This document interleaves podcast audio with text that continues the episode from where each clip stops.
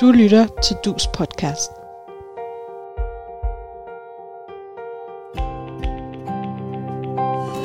Man slår på demonstranter, hvor man nægter folk at stemme? Må man sige til en flygtning, at hun godt kan blive hjemme? Må man brænde gode bøger og nægter folk at tale? Må man spærre gamle inde, blot fordi de er lidt gale? Nej, nej, nej, nej, det må vi ikke gøre. Fy, fy, skamme, skamme, fy, fy, ah, ah, slemme, slemme, fy, fy, nej, nej, nej, slik, slut, forbudt Men hvad må vi så? Ved udgangen af 2021 trådte Danmark ud af FN's menneskerettighedsråd efter en treårig periode som medlem. Hvad har Danmarks internationale rolle været i forbindelse med menneskerettigheder, og hvordan er forholdet i dag, og hvordan manifesterer dette sig i forhold til udenrigs- og udviklingspolitik? Med dette vigtige spørgsmål kan jeg byde velkommen til denne DUS podcast. I løbet af tre afsnit vil vi sammen med eksperter undersøge Danmarks forhold til menneskerettighederne i et historisk, internationalt, praktisk og ikke mindst udenrigspolitisk perspektiv. Mit navn er William Nielsen. Jeg er først og fremmest kommunikationsmedarbejder her hos DUS, og samtidig er jeg også medlem af DUS' U35-afdeling. Det må vi ikke gøre Fy, fy, fy, fy, ah, ah, fy, fy, nej, nej, nej, slik, slut, forbudt Men hvad hvor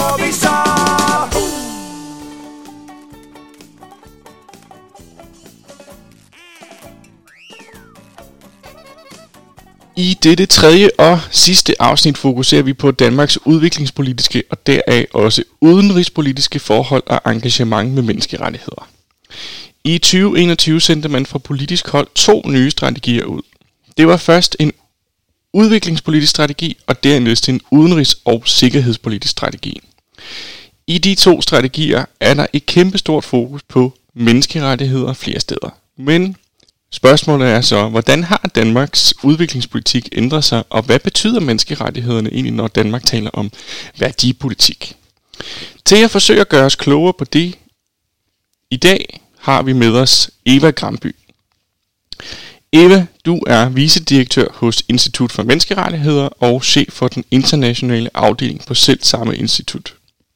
Derudover har du mange år på banen i udenrigsministerielt regi, hvor du har arbejdet med udviklingspolitik i forskellige sammenhænge, herunder også i forbindelse med FN's udviklingsarbejde. Så stort velkommen til dig i dag, Eva, og tak fordi du vil deltage i denne podcast.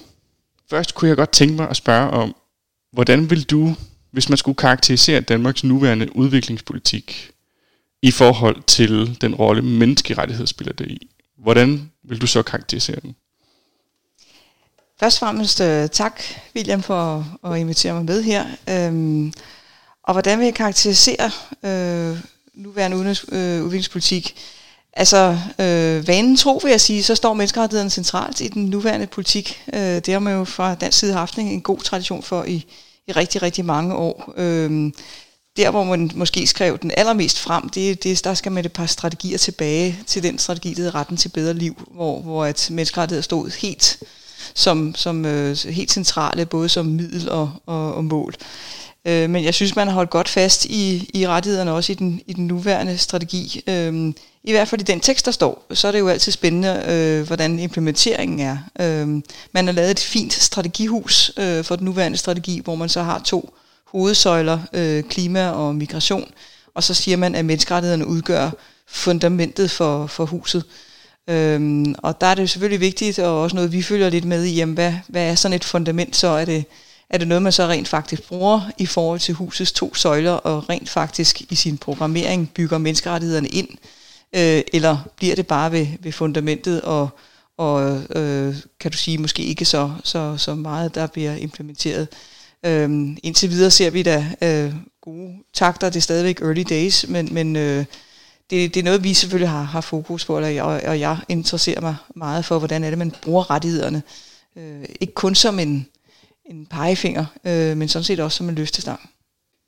Noget man også i en årrække har set inden for, for udviklingspolitik, det er forskning i udenrigspolitik og udviklingspolitik. Øhm, og der er noget forskning, øhm, der peger på et skifte en transformering. Jeg ved ikke lige, hvad for en, øh, en analogi, man skal bruge i forhold til, til, til udvikling. Øhm, men øh, i forhold til dansk udviklingspolitik og bistandssamarbejde, øhm, og, og der er nogle forskere, der vil, der vil øh, argumentere for, at der er sket en eller anden form for sammensmeltning af udenrigspolitik og sikkerhedspolitik og geopolitik øh, i en mere bred kontekst, som så er på en eller anden måde blevet en del af udviklingspolitikken, hvor man så måske førhen øh, har, har haft udviklingspolitik i en mere sådan altruistisk, filantropisk øh, øje med, og har, og har støttet projekter. Øh, hvordan vil du øh, beskrive udviklingen i dansk udviklingspolitik? Øh, og det kan så igen være med, med udgangspunkt i en menneskeretlig fokus, men også sådan, hvis man skal tage det lidt ud fra menneskerettigheder, så sådan, hvordan, er, hvordan har udviklingspolitikken udviklet sig øh, over tid? Det er jo rigtigt, at øh, man i Danmark har lavet den der sammensmeltning, kan du kalde det, mellem udenrigs- og udviklingspolitik, og det har man jo gjort i for mange, mange år siden, tilbage i starten af 90'erne. Øhm, og jeg må sige, når jeg har siddet også tæt på i, i Udenrigsministeriet, men også øh, udenfor, at, at jeg synes, at mener, at det har, har været en, en ganske god idé for, for Danmark, at man på den måde brugte de instrumenter, man nu havde i sin, sin udenrigs, øh, eller, øh, ja, udenrigspolitiske værktøjskasse, og at, at, øh, at udviklingspolitikken var, var en del heraf øh, for Danmark i forhold til Danmarks interesser. Så synes jeg også, det er vigtigt at sige, at øh, i lande, øh, hvor man nu er i, øh, der er de her ting jo også sammensmeltet. Øh, jeg er sådan set lidt grundlæggende modstander af søjler og, og, og sådan sine egne små kulturer, øh, subkulturer. Øh, og det kan man sige, det er der jo også inden for menneskerettighedsverdenen. Der er jo også en subkultur der er en eller anden slags. Øh, man taler om det universelle, men, men øh, men, men nogle gange er det også svært at, at, at bygge bro mellem øh, for eksempel udviklings, rent udviklingsorienterede øh, partner og så, så menneskerettighedsorienterede partner. Så jeg synes sådan set, øh, at det kan give rigtig god mening at, at se de her ting i en sammenhæng. Øh, sammensmeltning, det, det, det har lidt negativt, fordi øh, er der så noget, der smelter væk? Øh, det, det skal man selvfølgelig være opmærksom på, det må der ikke. Øh, og, og det skal man jo også, øh, når man arbejder med, med menneskerettigheder og udvikling, sige, jamen altså, øh, hvad er det vi egentlig vil øh, med vores øh, arbejde ude? Altså vi baserer vores arbejde på nogle grundprincipper, øh, og det siger vi jo i Danmark, som i mange andre lande, at det er menneskerettighederne. Øh, og det gør vi jo både fordi vi mener, at det er den rigtige måde at bygge samfund op på. Det er en måde at beskytte øh, borgeren mod staten, men det er så, sådan set også en måde at adressere nogle af de, de øh, grundårsager til, til, til fattigdom og ulighed, som, som eksisterer i mange af de lande, vi, vi gerne vil engagere os med. Så det giver bare rigtig god mening øh, at have en sammensmeltning eller en sammentænkning af, af, af, af udviklinger og, og menneskerettigheder. Øhm, jeg vil sige, det er jo ikke fordi Danmark har været forgangsland i forhold til at, at tænke de her ting sammen. Øh, noget man måske nogle gange glemmer også i den vestlige verden er, at der andre steder i verden, hvor man sådan set før det blev moderne, tænkte menneskerettigheder dybt ind i udenrigspolitikken. Øh, det første eksempel øh, øh, er der en forsker her på instituttet, Steven Jensen, som har, skrevet lidt om, det var i 1964, da, da Jamaica øh, øh, kom med deres øh, første udenrigspolitiske papir, hvor de havde menneskerettigheden centralt placeret. Øh, og du kan sige, så blev det så lidt mere overtaget af, af Vesten tilbage, da, da du, når du kom ind i 70'erne med, med Jimmy Carter og så videre. Men det er mere for at sige, at, at det, det er ikke noget egentlig usædvanligt, at man gør det på den måde, og et lille åbent land som Danmark, der skal vi jo spille på alle de tangenter, vi har, og der er udviklingspolitikken et af redskaberne. Jeg har jo selv læst øh, det, der hedder International Development på RUK, blandt andet. Øh, og de har lige lavet en, en øh, kandidatreformation, øh, der har gjort, at det nu hedder Global Development. International and Global Development. Og øh, den hedder jo også Global Development, den overbygning, der er på KU. Og det er jo egentlig et udtryk for, at man begynder at tænke udvikling og udviklingssamarbejde i, på andre måder. Så vil det egentlig sige, at det der med at tænke udvikling som noget internationalt, som noget fra A til B, at det egentlig er passé, at det er, at det er noget gammeldags, eller hvordan ser du øh, udvikling på den måde? Ja, nu får du mig ikke til at kalde udvikling for gammeldags, øh, men, øh, men jeg synes, det er en rigtig positiv øh, trend, øh, som jeg tænker meget er også er bundet af, af 2030-dagsordenen og verdensmålene, at vi som globalt kollektiv erkender, at for at vi skal løse verdens problemer, så bliver vi nødt til at tænke det sammen og påtage os ansvaret fælles. og at løsninger ikke kun kommer fra nord mod syd. Øh, det gør bestemt også komme den anden vej, eller fra øst og vest.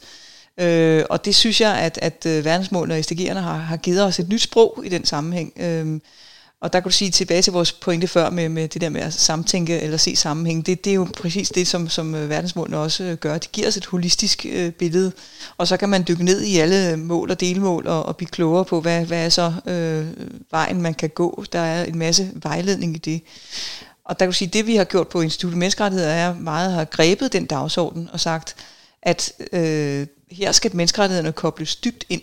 Øh, at vi ser jo meget, at verdensmålene kan være med til at løfte menneskerettighederne frem øh, i verden.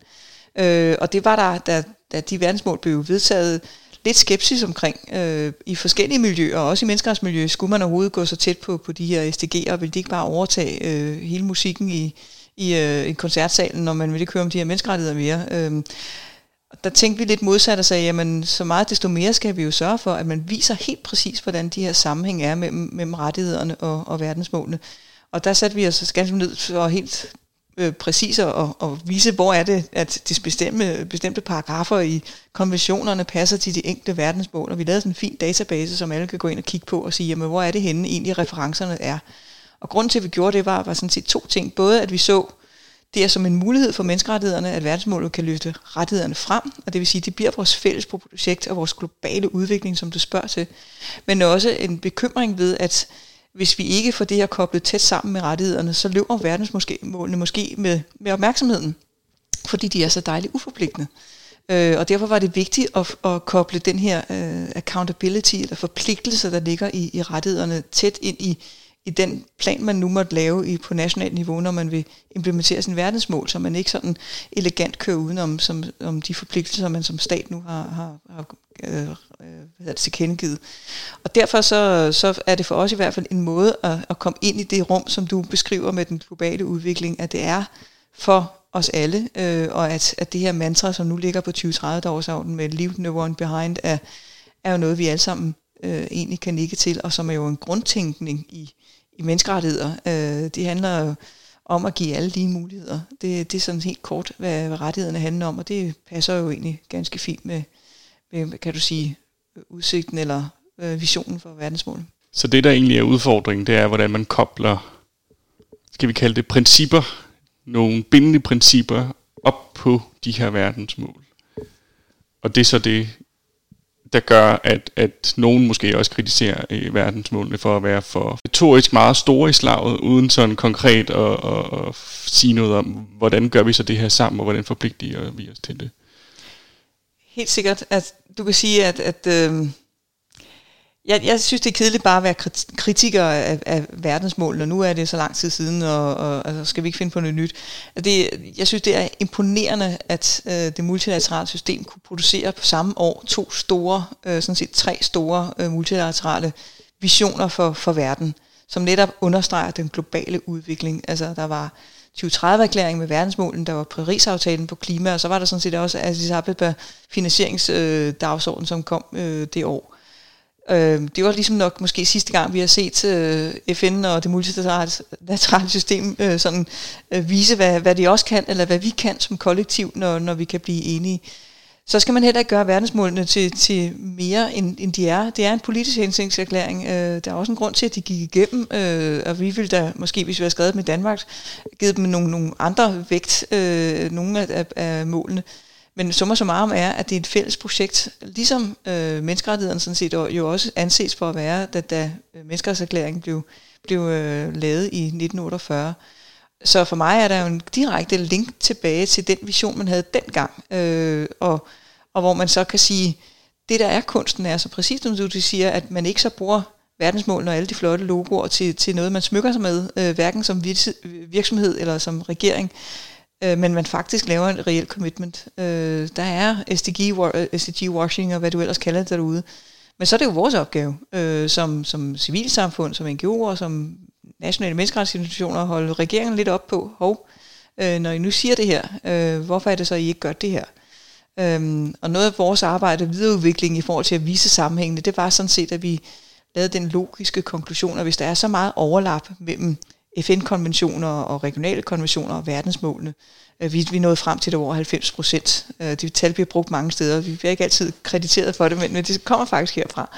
Men, men pointen er lidt, at vi siger, at hvis der er så meget overlap i selve konventionsteksten og målene, så må der også være tilsvarende overlap i de mange, mange tusind anbefalinger, der kommer fra øh, FN's menneskerettighedssystem. At alle lande rapporterer til, til FN på alle mulige måder, at forskellige konventioner.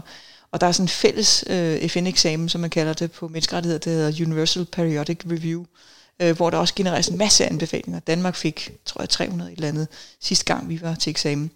Øh, og de ligger i øh, FN-systemet, de lå i sådan en meget fin database, øh, lidt stille, øh, og der var over 180.000 af dem. Og det var for os spændende, fordi det var big data. Øhm, og der lavede vi sådan en algoritme, der kan kunne maskinlæse alle de her anbefalinger, og så kategorisere dem i forhold til verdensmålene øh, og de enkelte indikatorer. Og grunden til, at vi gjorde det, var jo at igen at blive lidt instrumentelle, kan du sige, med vores rettigheder og med rapportering. Sådan, så man kan gå ind på et enkelt land, øh, nu har jeg lige været i Uganda, øh, og sige, jamen, hvad var det for nogle UPR-anbefalinger, Ugandas regering egentlig har sagt ja til? Øh, og der var en masse spændende ting omkring øh, adgang til retfærdig rettergang, hvor man siger, jamen i stedet for at starte en samtale med regeringsfolk i Uganda omkring, at det bør I, og det er også i, sådan som konventionerne siger, men hov, vi nu skal høre, at I har fået 13 anbefalinger i forhold til, til adgang til retfærdig øh, rettergang, hvor her er der nogle ret gode idéer. Skulle vi snakke om, hvordan man egentlig kan implementere det, øh, så I næste gang, når I bliver eksamineret, kan melde tilbage, at der har I gjort noget her. Og det giver en anden form for samtale, øh, hvor man, som jeg siger, lidt starter i konsensus, i stedet for at, at starte i konflikt, øh, når man taler rettigheder. Og det synes jeg er super spændende at, at arbejde med dem på den måde. Tak for det. Øhm, nu, øh, nu vil jeg gerne så prøve at dykke ned i, sådan gå lidt fra det multilaterale og det globale, til, til Danmarks rolle sådan i verden. Øhm, hvis man sådan skal spørge lidt stort, hvad er så de, de største udfordringer, eller i gåsøjne problemer for Danmarks øh, menneskeretlige udenrigspolitik i den nuværende verdenssituation? Man kan sige, at, at dynamikken i det internationale system har ændret sig enormt meget inden for de sidste 20 år. Øhm, jeg tænker meget over, om det, det var 90'erne, der, der var det unormale, og nu er vi tilbage til noget mere normalt øh, i forhold til, til magtstrukturerne øh, i det internationale system. Øhm, fordi der er i hvert fald kommet jo, kan du sige, andre veje til udvikling, end den vej, vi synes, den øh, bør være den rigtige, øh, som jo også er tæt knyttet til, til, til demokrati og menneskerettigheder. Der er alternativer, øh, og det slår jo også igennem i forhold til, til, øh, til det menneskeretlige system og, og Danmarks øh, handlemuligheder. Det er der ingen tvivl om. Øhm, man kan sige, at, at vi måske som Vesten øh, har sejret lidt af helvedes til i 90'erne og sat mange øh, standarder. Øh, Danmark har været enormt markant øh, på menneskerettigheder, også internationalt, og blevet anerkendt for det. Øh, både inden for vores øh, øh, arbejde omkring bekæmpelse af tortur, øh, hvor vi også satte standarder. Vi, vi, det var jeg selv med til at forhandle en, en tillægsprotokol til torturkonventionen. Øh, jeg sad med de sidste fem år, man var 10 år om at lave den. Øh, det var godt at være med de sidste fem i stedet for det første fem, det var da lidt sur. Men, men øh, det var, det var en spændende, spændende proces, øh, hvor vi faktisk formåede at, at lave et ret robust instrument. Øh, tilsværende har Danmark øh, været toneangivende til at operere, lave øh, det permanente forum for oprindelige folk, og også en, en erklæring i forhold til oprindelige folk. Så vi har, vi har virkelig sat nogle fingeraftryk øh, tilbage der i slutningen af 90'erne, starten af 0'erne. Og der må sige i dag, at, at det råderum til at sætte standarder, øh, det er blevet voldsomt begrænset. Øh, jeg vil være meget tøvende, hvis jeg var dansk regering og åbne op for at lave revision af, af konventioner som verden ser ud i dag, for jeg tror ikke, vi vil kunne få meget mere, end vi har lige nu, desværre. Ja, fordi så kunne man jo passende stille spørgsmålet, øh, har Danmark overhovedet en rolle at spille i forhold til menneskerettigheder og, og, og udenrigspolitik og global udvikling? det mener jeg bestemt, Danmark har. Uh, Danmark har stadigvæk, kan du sige, et, et image også internationalt om at være en, en sådan en honest broker. Uh, vi, vi gør også meget af det, det vi siger. Øh, Uh, også bare det faktum, at vi giver altså over 0,7 procent, eller 0,7 procent præcis i udviklingsbistand. Øh, det, det er der altså ikke, øh, det er der kun fire andre lande, der gør i dag. Så, så det giver jo en vis cloud øh, tilbage til vores snak før om, omkring sammensmeltning eller sammentænkning. Øh, og derfor har vi også en rolle. Vi er en stemme, som, som øh, bliver, bliver hørt, øh, og jeg synes også, vi er generelt øh, gode til at, at, at tænke i alliancer. Øh, det synes jeg er positivt også at se, det, især de senere år også, hvor Danmark måske at gå lidt bredere ud i sin alliancedannelse omkring øh, sådan noget som demokrati og menneskerettigheder, at man, man tænker bredere end, end øh, sit nærområde og, og EU, øh, og træder også lidt uden for, for flokken og, og prøver at lave alliancer for eksempel med latinamerikanske lande. Øh, det har man gjort rigtig dygtigt, synes jeg også, under Danmarks øh, medlemskab af Menneskerettighedsrådet. Blandt andet inden for verdensmålene, hvor at, at det var den danske øh, FN-ambassadør i Genève, som, som tog ligesom tæten og, og lavede en samarbejde med Chile, øh, blandt andet, og Kenya og en anden sådan group of friends omkring øh, menneskerettighed og, og verdensmål. Det gav også øh, en vis øh, anerkendelse og, og en, en, øh, en bane der. Så, så det er måske det, der er fremtiden også øh, for dansk øh, værdipolitik eller udenrigspolitik, hvis man gerne vil arbejde med, med rettighederne i hvert fald, det er at tænke anderledes alliancer øh, og, og, og, og nytænke lidt på det område. Ja, og der ligger du sådan set op til øh, et af mine spørgsmål. Øh, og det er egentlig også sådan rollen i forhold til mul- den multilaterale arena. At, at, at det er noget, jeg har lagt mærke til, dukker meget op i, i øh, mere end jeg har lagt mærke til det før, i den udviklingspolitiske og udenrigspolitiske og sikkerhedspolitiske strategi. Øh, altså, de siger for eksempel i deres udenrigspolitiske strategi, regeringen, at vi skal bygge videre på den globale alliance af lande, der sætter respekt for demokrati og menneskerettigheder forrest. Og vi skal ture se indad og tage øh, de interne udfordringer op.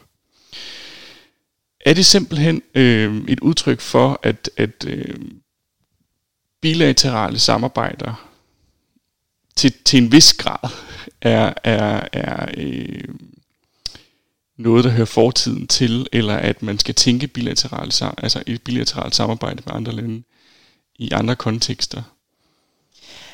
Nej, jeg tror ikke, det ene udelukker det andet. Øhm, jeg tror, at alliancer kan være enormt vigtige til at, at skubbe, også til, til det bilaterale. Øhm, men det er alligevel øh, meget ofte jo, når du bliver bilateral, eller især når du kommer på et nationalt niveau, at du ser handlingen, at du ser forandringen for, for det enkelte menneske. Øhm, og det, det, der er kunsten, og som, som jeg synes, øh, Danmark også er god til, men kan blive endnu bedre til, det er faktisk at koble nogle af de multilaterale øh, initiativer til så konkrete handlinger øh, i, i en national kontekst. Og der, det, der kan du sige, der kan udviklingsbistanden jo hjælpe med øh, at være en, en god brobygger øh, ned til et nationalt niveau. Øh, det man måske jeg savner lidt i dag med dansk udviklingsbistand, øh, ikke så meget udenrigspolitik, men udviklingsbistand, det er tålmodighed. Øh, fordi hvis du gerne vil lave den forandring, så er det ikke bare noget, du kan overnight.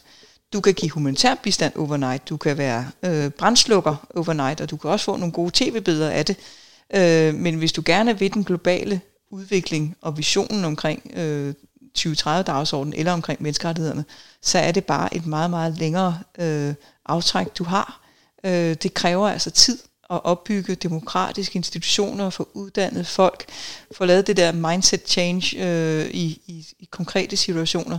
Og det, det kræver en tillid øh, at komme ind og snakke om de her, øh, også som der står, øh, der du nævnte der med de interne udfordringer, og få et, et skabt et, et, øh, et, et safe space og diskutere det.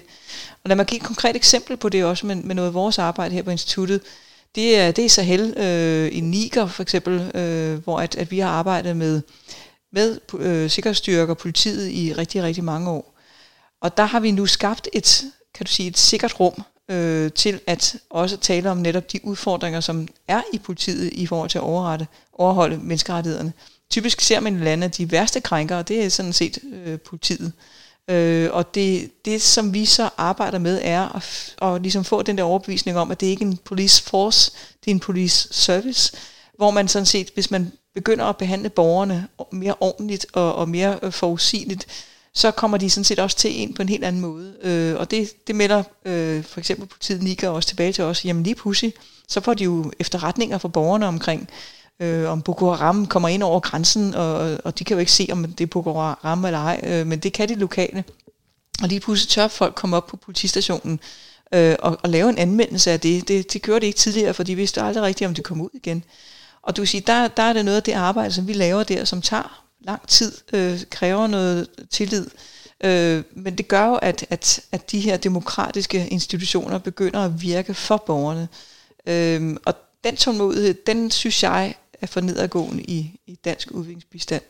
Øh, det er det, nogen kalder den langsigtede bistand, at den, øh, den ligesom ikke rigtig øh, har samme øh, standing som, som tidligere.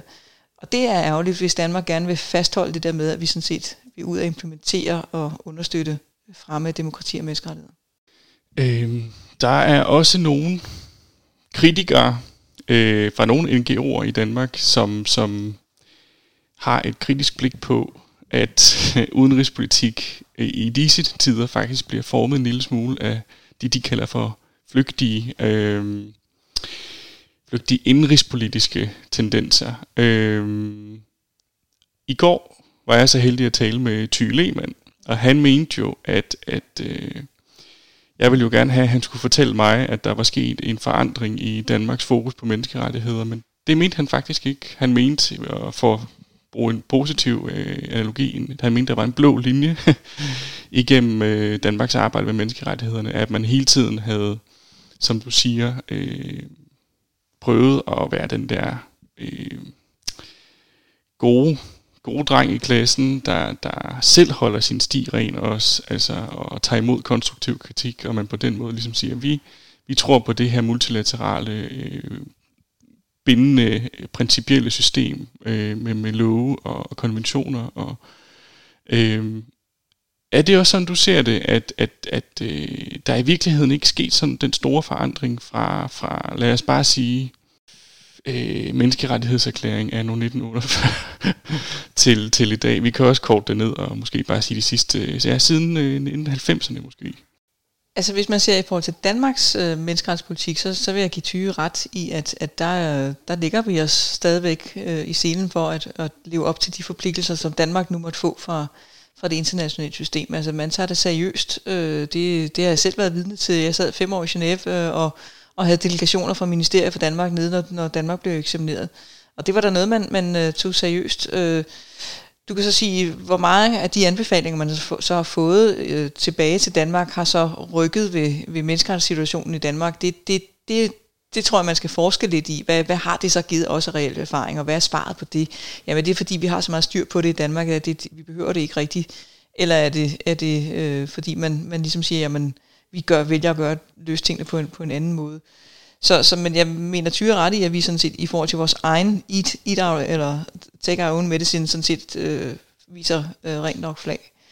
Hvis du så tager den lidt, lidt bredere, ikke kun med et menneskerettighedsbrille, og siger, jamen, men øh, øh, har vi øh, som, som Vesten flyttet os øh, på, på, på nogle af de her dagsordner, der vil jeg gå til lidt tilbage til at sige, det, det jeg nævnte lidt før med, at, at øh, jeg tænker meget over, om, om den periode, man havde øh, derfra øh, murens fald, og så øh, lige ind til øh, 9-11 2001, altså om det var den, det abnormale. Øh, fordi der, der var vi i stand til at sætte en masse standarder, virkelig at arbejde med, med rettighederne, og, og så vil sige, efter det, så, så skete der jo en masse ting. Hele War on Terror øh, gjorde jo nogle ting, også i vores egen samfund, omkring øh, blandt andet frihedsrettigheder, som øh, man godt kan, synes jeg, diskutere, Øh, har det begrænset øh, arbejde med rettighederne. Øh, samtidig med, at der så, kan du sige, kom, kom et ris, øh, Kina og øh, Rusland og andre, der ligesom gav nogle alternative modeller i forhold til dem, vi normalt samarbejder med. Så vi er da klart udfordret, vil jeg sige, på, på arbejdet med det her. Det, jeg synes, der er brug for fra, fra vestens side, er, at man måske laver en refleksion om, hvordan vi i tale sætter menneskerettigheder. Vi har en tendens til øh, i Vesten at tale frihedsrettigheder øh, ytringsfrihed, øh, foreningsfrihed osv. Og måske ikke tage hele komplekset af menneskerettighederne med, øh, som jo også er de økonomiske sociale rettigheder. Og der kan jeg huske, at jeg havde nogle sådan aha-oplevelser tilbage i, i Genève i min, min tid der, min, min, min tidlige karriere i Udenrigsministeriet, hvor jeg sad seriøst med, med også EU-kolleger, som sagde, at altså, menneskerettighed handler kun om frihedsrettigheden. Fordi de der økonomiske sociale rettigheder, dem klarer vi via vores udviklingsbistand. Det var ligesom den måde, man tænkte dengang. Det synes jeg var meget mærkeligt, fordi hvis du læser netop øh, verdenserklæringen for menneskerettigheder, så har den det hele jo med. Så kom der to separate konventioner, der, der ligesom adskilte ad, og det var måske lidt ulykkeligt øh, for rettighederne, fordi det ligesom gav nogle fraktioner. Øhm, og der synes jeg, hvis man skal være lidt håbefuld, at faktisk 2030-erklæringen har samlet det igen. Øh, den har samlet øh, de frihedsrettighederne og de økonomiske sociale rettigheder, fordi vi taler både om adgang til uddannelse og til vand, kvinders rettigheder, og vi taler sådan set også om stærke demokratiske institutioner i, i verdensmålene. Så, så der er måske der en, en, en mere positiv bane, man, man kan arbejde på. Øh, men vi skal ikke være naive og sige, at vi er op imod øh, øh, også tendenser derude, som, som vi er noget andet, end, øh, end det vi vil. En, sådan lidt et opfølgende spørgsmål til det. Øh, man ser jo også sådan, altså man, man oplever tit, at udenrigsministre og Øh, ministre for udviklingssamarbejde, de har skiftet titler igennem tid, men, men hedder nogenlunde det samme. De arbejder med udviklingssamarbejde øh, og, og politik. At de slår sig ofte op på en værdibaseret og aktivistisk udenrigspolitik.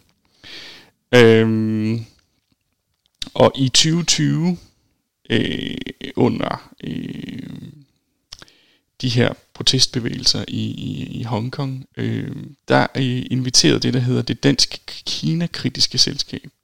De inviterede demokratiaktivisten Ted Hui til Danmark.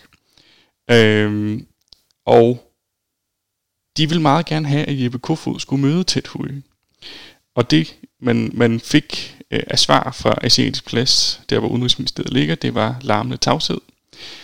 Øh, så mit spørgsmål, det er, hvis man sådan skal sætte det, og det skal man jo nogle gange for at fremme den pædagogiske forståelse, sætte det lidt på spidsen og sige, er det egentlig ikke umuligt at arbejde med menneskerettigheder på en ideal måde? Altså de der idealistiske billeder, vi har af menneskerettigheder, det er så måske både de borgerlige og de sociale og de økonomiske rettigheder, når man bliver nødt til at forholde sig pragmatisk til, til verden? Eller er det muligt at fortsætte som, som en lille, øh, et lille land, som Danmark er, og, og fortsætte med at være idealistiske omkring vores værdier, og der er også principper? Jeg tror, det er vigtigt, at man altid som, øh, som et, et åbent samfund holder fast i, og, og er meget tydelig omkring, hvad det er, vi står for som samfund. Øh, man, man skal have det mod, øh, og det synes jeg sådan så også, at skiftende udenrigsminister har haft fra tid til anden, øh, i at sige, at det her det er vores basisværdier. Øhm, du siger, at diplomatiet handler så om noget andet. Diplomatiet handler om at holde dialogen gående, holde dørene åbne, øh, og at, at være i stand til at kunne tale også med dem, du er dybt uenig med øh, på en ordentlig måde. Øh, det er den eneste redskab, som, som vi har, øh, som jeg synes giver mening, øh, hvis man ikke vil gå over og se på rå magt, øh, som vi ser lige nu i, i Ukraine. Det er jo faktisk at holde samtalen gående. Det er det smukkeste, du har ved, ved FN-systemet. Og der skal du selvfølgelig have en vis form for pragmatisme. Øh, jeg har siddet og hørt øh, indlæg og taler, øh, hvor man jo er ved at kaste op over, øh, hvordan tingene bliver beskrevet. Men det gør jo ikke, at jeg ikke kan tale øh, med den person, som nu siger de her ting. For jeg bliver nødt til at finde ud af, hvor er det henne, vi mødes. Øh, hvad er det, vi egentlig kan se af en fælles retning. Og nogle gange kan det være svært. Men det er som regel altid lykkes. Bøjer du så rettighederne, når du gør det? Det mener jeg ikke, man gør, så længe man er meget tydelig på, hvor det ens eget udgangspunkt er. Øhm, og det er en kunst. Øh, og ja, så kan man lave de her øh, situationer, hvor man så bliver presset på den ene eller anden måde.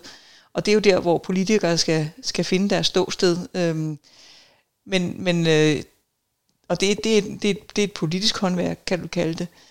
Øh, men jeg synes ikke, at det skal få os til at konkludere, altså, at det er et enten eller. Øh, kunsten er sådan set at kunne gøre lidt både og, øh, og være tydelig om, om sine sin egne øh, værdier. Øh, og så kan du sige, hvis du så tager, jeg skældner lidt mellem menneskerettigheder og værdier, fordi værdipolitik for mig kan være alt muligt. Øh, at, at der er det vigtigt at sige, når du så begynder at, at gå ned i, i rettighedsfeltet, så støder du ret hurtigt så på noget, der er lidt mere forpligtende, og, og derved så måske også lidt mere nemmere at holde fast i. Fordi så kan du begynde at sige, jamen er du på den ene eller anden side af hegnet her?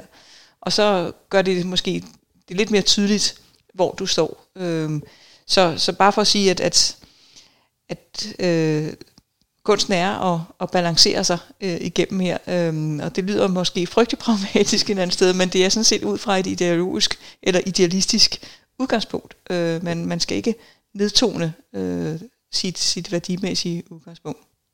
Det var også bare mig, der øh, rigtig gerne vil øh, sætte det lidt på spidsen og, og skære tingene op, og man kan sige, øh, principper har jo nogle gange øh, et problem, at de ikke kan være specielt pragmatiske, sådan for netop som du siger, hvis man har øh, fastlåst sig på noget og ligesom forpligtet sig til at overholde et sæt principper og et sæt regler, og det er i love, øh, så, så, så er alternativet det er jo, at man bryder dem, hvis man ikke holder sig til dem. Øh,